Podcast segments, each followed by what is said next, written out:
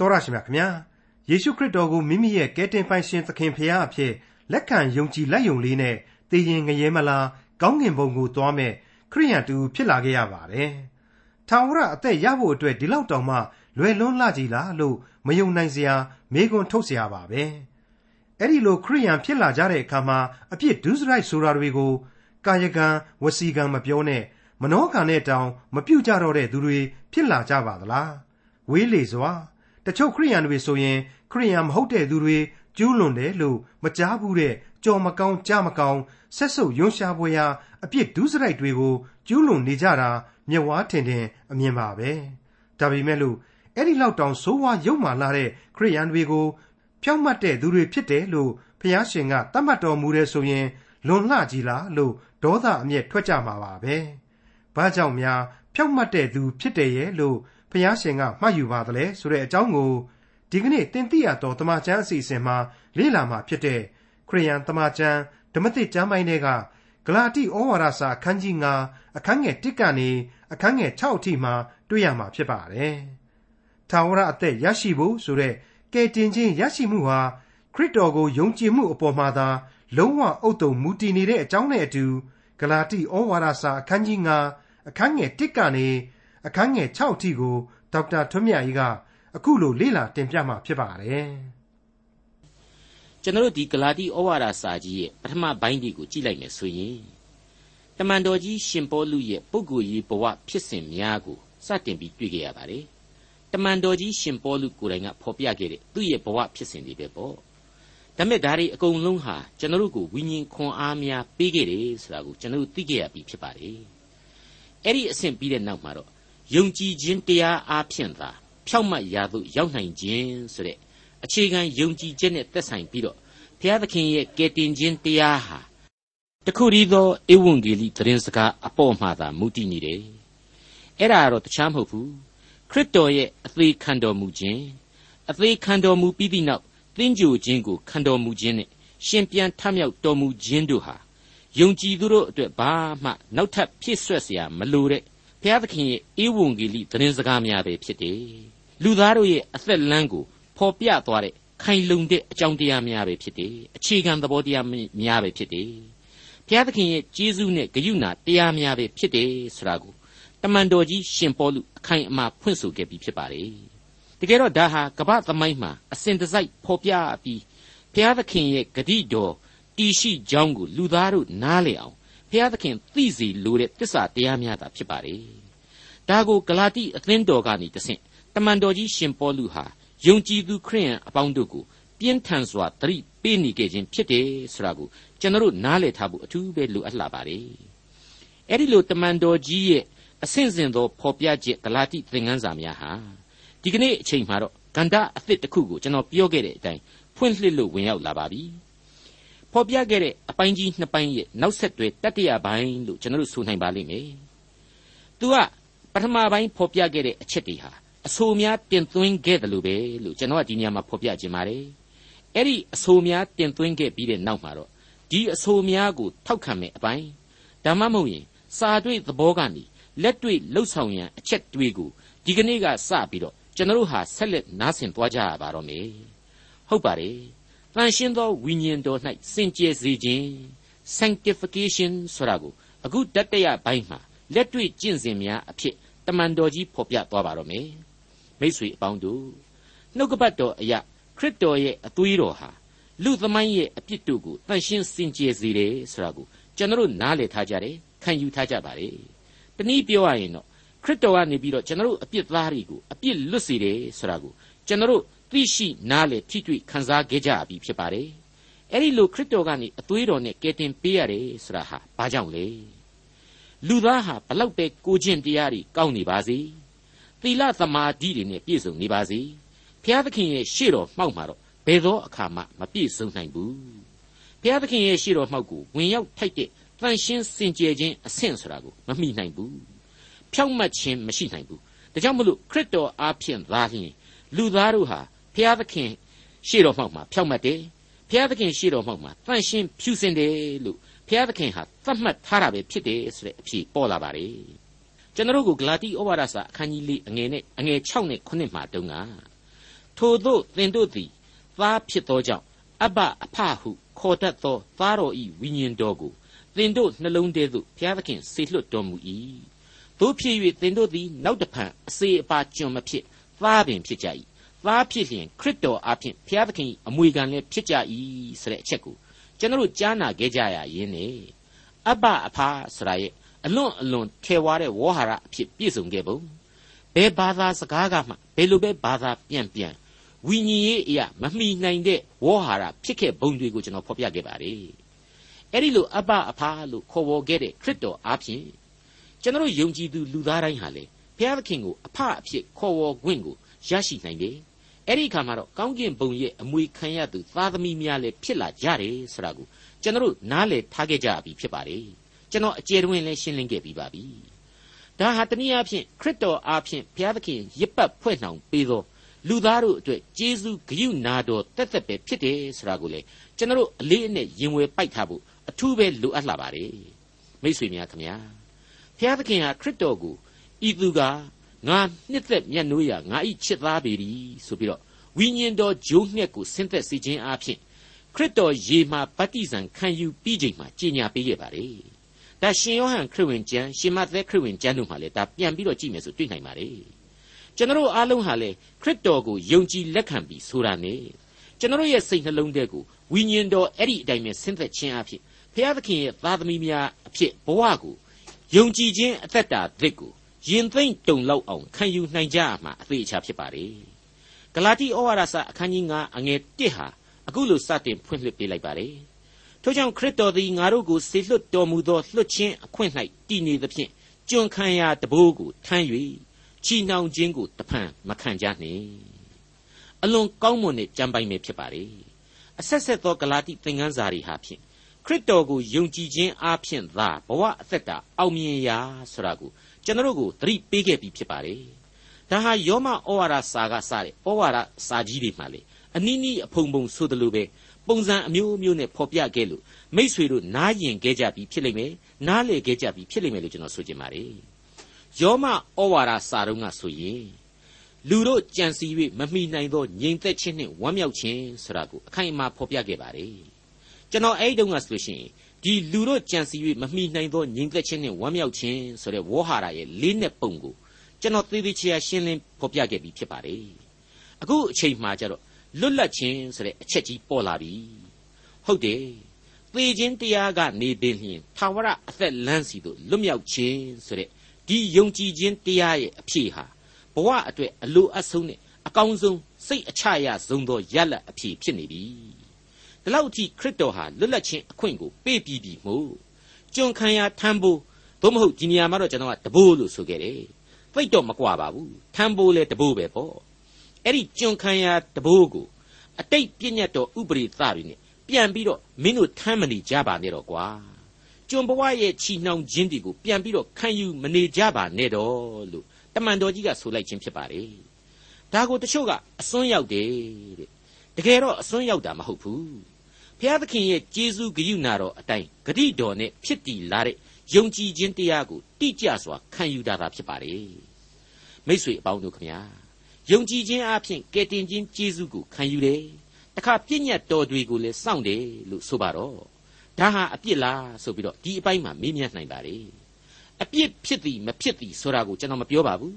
ဒါပေမဲ့ကယ်တင်ခြင်းတရားနဲ့ဒွန်တွဲလျက်ရှိနေသော ကျေးဇူးနဲ့ဂရုနာတော်ကိုခံစားရအဆင့်အတန်းကနေပြီးတော့နှိမ့်ကြသွားရတယ်ဆိုတာကိုတော့သေသေးချာချာကျွန်တော်ပြောချင်ပါတယ်ဒီတော့ကျေးဇူးနဲ့ဂရုနာတော်အပေါ်မှာယုံကြည်တည်မိသူမှန်သမျှတို့ဟာပြည့်ညတ်တော်နဲ့အကျွင့်မဲ့ကင်းလွတ်သောအသက်တာများဖြစ်ရလိမ့်မယ်ဆိုတာကိုရှင်ပေါလုဖော်ပြလိုက်တာ ਨੇ အတူတူပဲဖြစ်ပါတယ်ဟုတ်ပါတယ်ကျွန်ခံရတဘိုးကိုထမ်း၍ချီနှောင်ခြင်းကိုတဖန်မခံကြနှင့်ဆရာဟာအလွန်တိကျပြတ်သားတဲ့ဩဝါဒစာဖြစ်ပါတယ်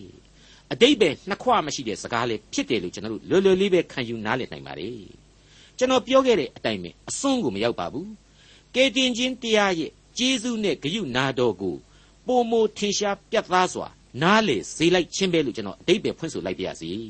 ကျွန်တော်ကရှင်ပေါလုရဲ့ဩဝါဒစာဟာအစွန်းရောက်တဲ့ဩဝါဒစာမဟုတ်ဘူးလို့ဆိုခဲ့ပါတယ်ဘာကြောင့်ဒီလိုကျွန်တော်ဆိုနိုင်ပါသလဲကျွန်တော်ယုံကြည်သူခရိယန်တွေဟာပြည့်ညတ်တော်ရဲ့အောက်မှာအသက်မရှင်မဲနဲ့ ခခရစ်တော်ရဲ့ကျေးဇူးဂရုနာတော်အားဖြင့်အလွန်အဆင့်မြင့်တဲ့ဘုရားသခင်ရဲ့သားသမီးများလို့ကျွန်တော်ဆိုခဲ့ပြီးပြီအဲ့ဒီလိုအဆင့်အတန်းရှိတာမှုလေကျွန်ခံရတဘိုးပြည့်ညတ်တော်တွေကိုပြန်ပြီးတော့ကြင့်မနေတော့နဲ့လို့အခုကြားရပြန်ပါတယ်အဲ့ဒီဝိညာဉ်အသက်တာနဲ့လူသားကောင်းကင်နိုင်ငံတော်ကိုအမွေခံရမယ်ဆိုတဲ့လူသားဘုရားသခင်ရဲ့သားသမီးဆိုတဲ့လူသားအဲ့ဒီလောက်အထိဘုံတော်နဲ့နာမတော်ကိုခံယူထားတဲ့လူသားဟာ ဘသူဟာရောပြည့်ညတ်တော်၁၀ပါးကိုတမင်သွားပြီးတော့ချိုးဖောက်ပြစ်မှားနေကြပါတလေဘသူမှမချိုးဖောက်ပါဘူးမပြစ်မှားပါဘူးမဟုတ်တာလုပ်ရင်မဟတ်တာဖြစ်တာစိုက်သည့်အတိုင်းရိပ်ရတာဥပဒေကိုချိုးဖောက်ရင်အပြစ်သင့်တာစတဲ့ပြည့်ညတ်တော်များရဲ့သဘောမှန်တွေကိုခရစ်တော်ကိုယုံလို့ဆိုပြီးတော့ကျွန်တော်မသိဘဲမနေကြပါဘူးညင်းပယ်မနေကြပါဘူးကြောခိုင်းမနေကြပါဘူးနှုတ်ကပတ်တော်မှာလဲသမိုင်းသက်သေတွေအထင်ရှားရှိခဲ့တယ်လို့ဩဝါဒစာရီထဲမှာလဲနေရာအနှံ့ပြကျွန်တော်တို့တွေ့ထားရပါတယ်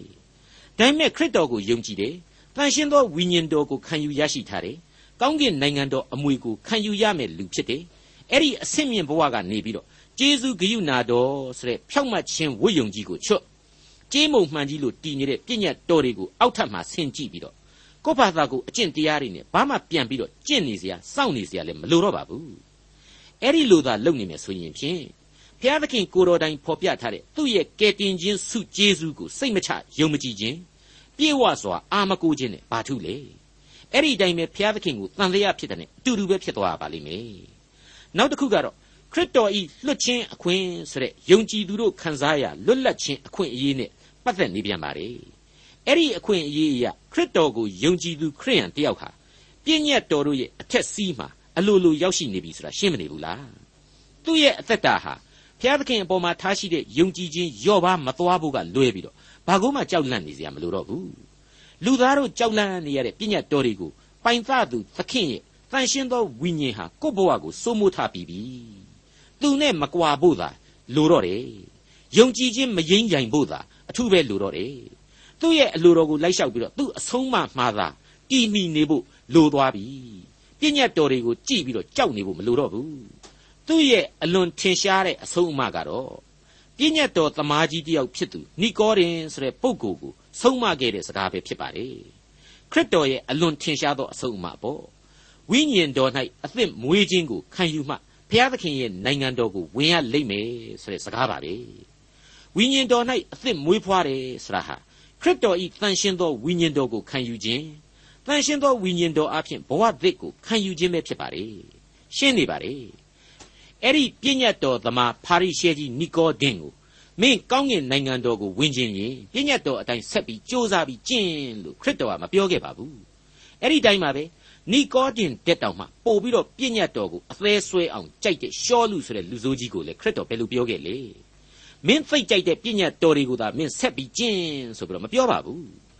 ငါဟာမင်းအင်မတန်မုန်းတီးဆက်ဆုပ်တဲ့ယေရှုဖြစ်တယ်ကိစ္စမရှိဘူးမြို့တဲကိုဝင်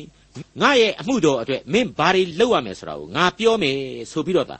အမိန့်ပေးခဲ့တာဖြစ်ပါလေရှောလူဘဝကမှတခါတမန်တော်ကြီးရှင်ပေါလုအဖြစ်ပြောင်းလဲလာခဲ့တဲ့လူဟာအခုကျွန်တော်တို့ကိုဆုံးမဩဝါဒပေးနေပြီမဟုတ်ဘူးလား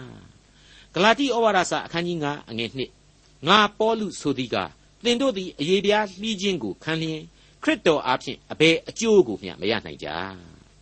အယေပြားလှီးခြင်းဆိုတာဟာအာဗြဟံခေတ်ကလေးကဘုရားသခင်တောင်းဆိုခဲ့တဲ့ဥပဒေသားပါ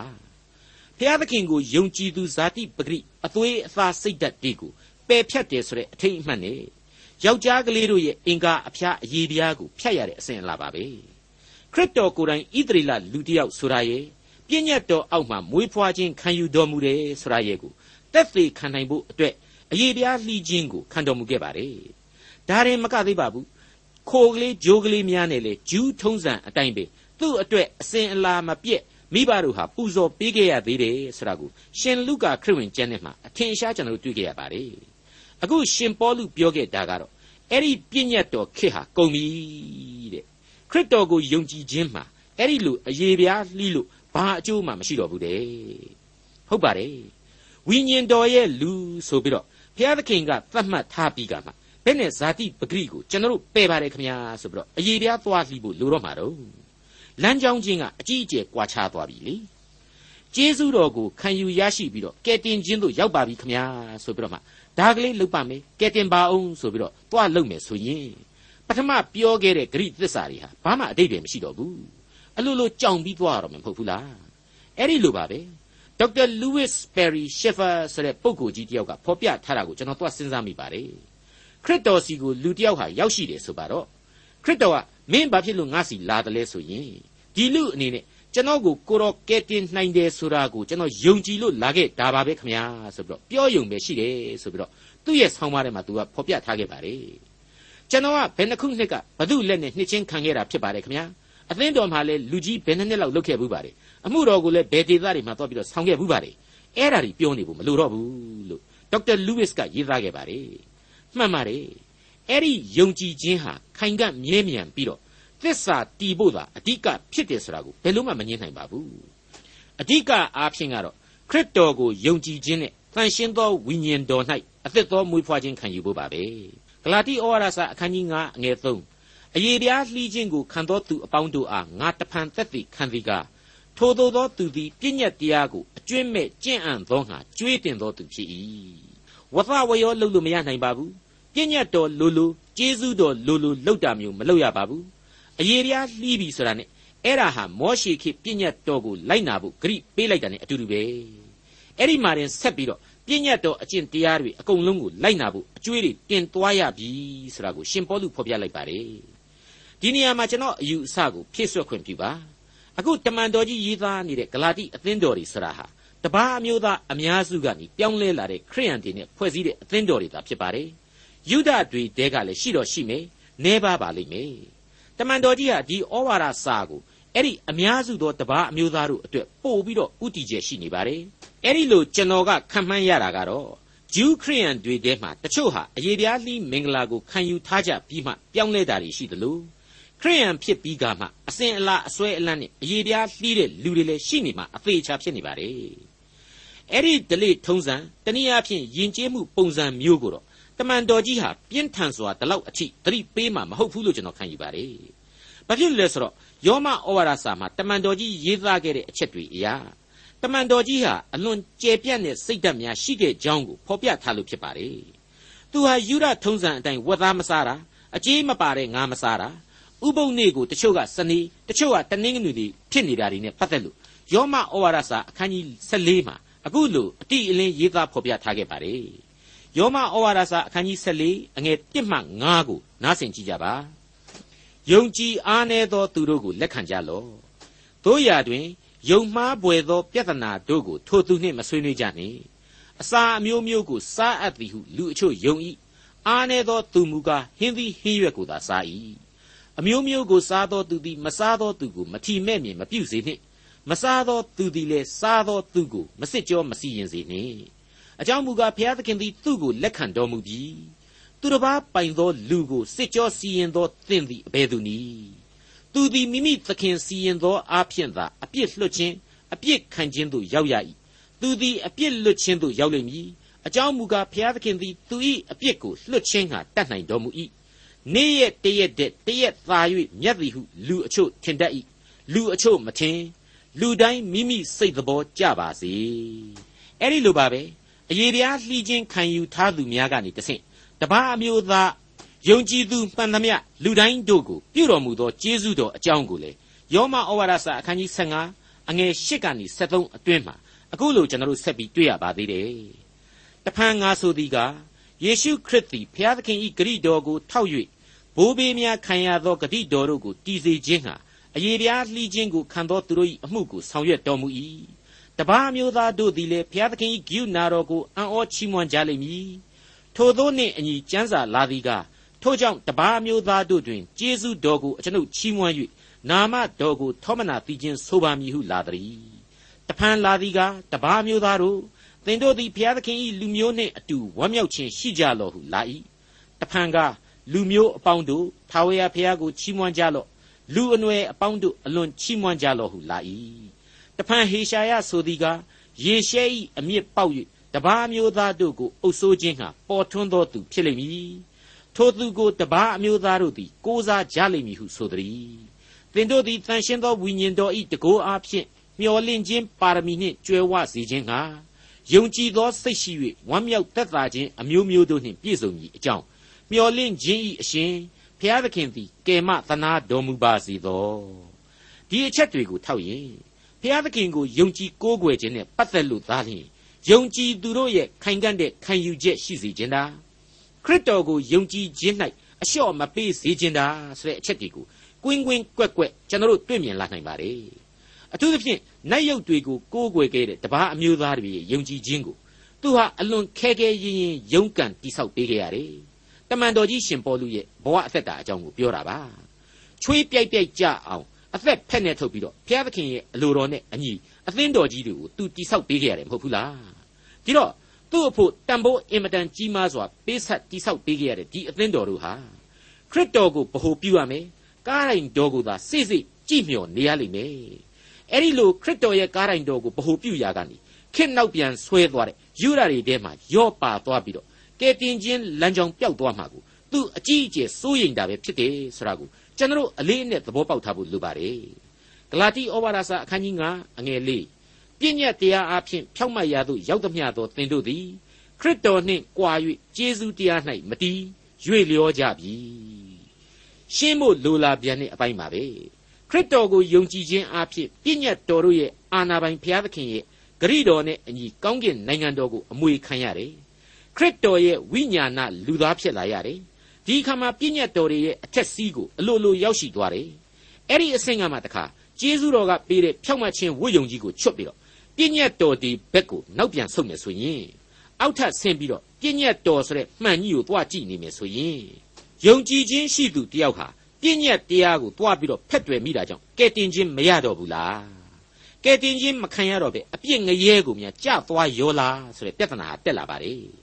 ပြဿနာအရှင်းရှာစရာမလိုပါဘူး တန်တရားပွားစရာလည်းမလိုပါဘူးယုံကြည်ခြင်းအပြင်ဖြောင့်မတ်ရာကိုရောက်တယ်ကယ်တင်ခြင်းကျေးဇူးဟာမလွတ်တမ်းသေးကြစွာရရှိမှာသာဖြစ်တယ်လို့ကျွန်တော်အတိတ်ပဲဖွင့်ဆိုခြင်းပါတယ်တက်တည်ပြရမယ်ဆိုရင်တော့ယောမဩဝါဒစာကြီးကိုပဲပြန်ပြီးတော့ကြည့်ကြပါယောမဩဝါဒစာကြီးရဲ့သုံးသက်ချက်နဲ့တင်ပဲကျွန်တော်တို့လုံလောက်အောင်အဖြေရရှိနိုင်ပါလိမ့်မယ်အကျွင်းမဲ့သုံးလို့ဆွဲလို့မရတော့အောင်ယုံညံ့နေတဲ့လူသားတို့ရဲ့ဘဝကိုဏိဒန်းပြိုးထားတဲ့ယောမဩဝါဒစာဟာ အဲ့ဒီလောက်ကြီးအပြစ်နွန်တွင်နဲ့နဲ့ရှိုင်းရှိုင်းသက်ဆင်းနေသူမျော်လင့်စရာမရှိဘူးလို့ထင်ရလောက်သူလူသားကိုပင်လျင်ပြုတော်မူသောကယ်တင်ခြင်းကျေးဇူးကိုခံယူနိုင်ပါကြောင်းဖော်ပြထားပြီးတော့အဆုံးသတ်ထားတာကိုတွေ့ရပြီးဖြစ်ပါတယ်ဒီအတွက်ယုံကြည်ခြင်းသာလျှင်အဓိကဖြစ်တယ်လို့ကျွန်တော်တို့ခိုင်မာစွာဆိုနိုင်ပါတယ်ဒါဆိုရင်ပြည့်ညတ်တော်တွေလက်အောက်မှာကြွမခံကြပါနဲ့လို့ဘာကြောင့်ရှင်ပေါလုပြောရတာတော့ရှင်းဖို့လိုလာပြီ ငါအแทမှာဇာတိပဂရိ၌ကောင်းသောအရာတစုံတစ်ခုမျှမတည်သည်ကိုငါသိ၏အကြောင်းမူကားငါသည်ကြင့်ကျင်သောစိတ်ရှိတော်လေကောင်းစွာကြင့်တတ်သောအခွင့်ကိုရှာ၍မတွေ့နိုင်လို့ယောမဩဝါဒစာအခန်းကြီး9အငယ်18မှာသူဖော်ပြခဲ့တဲ့အတိုင်းပဲပေါ့ကဲတင်ချင်းကိုခံယူသူခရိယန်ဆိုတဲ့လူသားနဲ့အကျင့်တရားဟာမမိနိုင်လောက်အောင်ဝေးကွာလှမ်းလွန်းတာကိုသူရေရေလဲလဲသိနားလေလို့ရေရေလဲလဲအခုလိုဆုံးမလိုက်တာပဲ ဒါကိုတိတ်တိတ်ချာစဉ်းစားလိုက်မယ်ဆိုရင်အဲ့ဒီလိုအကျင့်တရားကိုယုံစားနေတဲ့ခရိယန်တို့ရဲ့အသက်တာဟာကယ်တင်ရှင်ယေရှုကိုခံယူရင်းနဲ့ကြဆုံးတော်သူသို့မဟုတ် defeated Christians လို့တော့ဘာသာပြန်ဆိုတိုက်တယ်လို့ကျွန်တော်ထပ်မံဖြည့်ဆွက်လိုက်ပါရစေဂလာတိဩဝါဒစာအခန်းကြီး9အငယ်9ငါတို့မူကားယုံကြည်ခြင်းအပြင်ဖြောင့်မတ်ရာသို့ရောက်မည်ဟုမျှော်လင့်သောယေရှုတော်ကိုဝိညာဉ်တော်အပြင်ငန့်လင့်၍နေကြ၏ ဒီအပိုင်းလေးဟာဒီဂလာတိဩဝါဒစာရဲ့တခုတည်းသောအနာဂတ်တိပဲဖြစ်ပါတယ်မျောလင့်သောကျေးဇူးတော်တဲ့ဒါကိုတန်ရှင်းသောဝိညာဉ်တော်နဲ့အတူစောင့်စားမယ်ဆိုတာကိုဖော်ပြလိုက်ပါတယ်အဲ့ဒါဟာကယ်တင်ရှင်သခင်ခရစ်တော်ဒုတိယအကြိမ်ကြွလာတော်မူခြင်းအကြောင်းကိုရည်စူးဖော်ပြတာပါဟုတ်ပါတယ်ငါတို့မူကားယုံကြည်ခြင်းအပြင်ဖြောင့်မတ်ရာသို့ရောက်မည်ဟုမျောလင့်သောကျေးဇူးတော်ကိုဝိညာဉ်တော်အပြင်ငန့်လင့်၍နေကြ၏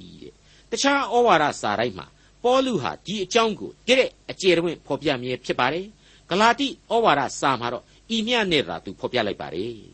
ဒီကျမ်းဟာတနည်းအားဖြင့်တော့မင်းတို့တွေကြတော့ပြည့်ညတ်တော်တွေကိုကျင့်ရင်းနဲ့များခရစ်တော်ကိုစောင့်နေကြအောင်ပါလားကွာဆိုပြီးတော့မိကွန်းထုတ်လိုက်တဲ့နဲ့တူနေတယ်လို့ကျွန်တော်ဆိုချင်ပါတယ်တမန်တော်ကြီးရဲ့ယင်ထဲမှာခရစ်တော်ကိုဗဟုမပြုကျေးဇူးတော်ကိုအမှုမထားပြည့်ညတ်တရားတို့ကိုနောက်ပြန်လျှောက်သွားရင်းနဲ့တန်ရှင်းသောဝိညာဉ်တော်ရဲ့လမ်းပြခြင်းကို ကြောခိုင်းနိုင်တဲ့လူသားတို့ရဲ့အာနယ်ခြင်းကိုသိနှင့်နေတယ်ဆိုတာကိုဒီကျမ်းဟာဖော်ပြနေပါတယ်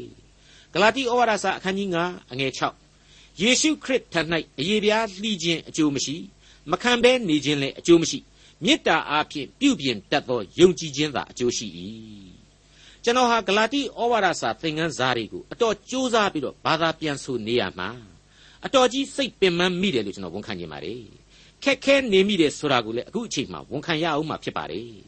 ပြီးတော့မှအခုရှင်ပေါလုဖော်ပြလိုက်တဲ့အချက်အားဖြင့်အခက်အခဲတွေဟာယင်တဲ့မှာအများကြီးရှင်းသွားရတယ်ပေါ့ပါသွားရပြန်တယ်လို့ကျွန်တော်ဝန်ခံရအောင်မှာပါဟုတ်ပါတယ်မေတ္တာတော်အားဖြင့်သို့မဟုတ်ကျေးဇူးနဲ့ဂရုဏာတော်အားဖြင့်သာကယ်တင်ခြင်းကျေးဇူးတရားရှိလျေဆိုတာကိုယုံကြည်ခြင်းဖြင့်သာအကျိုးရှိနိုင်ပါတယ်ပြည့်ညတ်တော်တွေထုံတန်းစင်လာတွေ ဘိုးစဉ်ပေါင်ဆက်ခံယူချက်နဲ့ယဉ်ကျေးမှုဓလေ့တွေဆိုတာဟာမကောင်းဘူးလို့ရှင်ပေါလုမပြောတယ်လို့ကောင်းတယ်လို့လည်းသူမဆိုခြင်း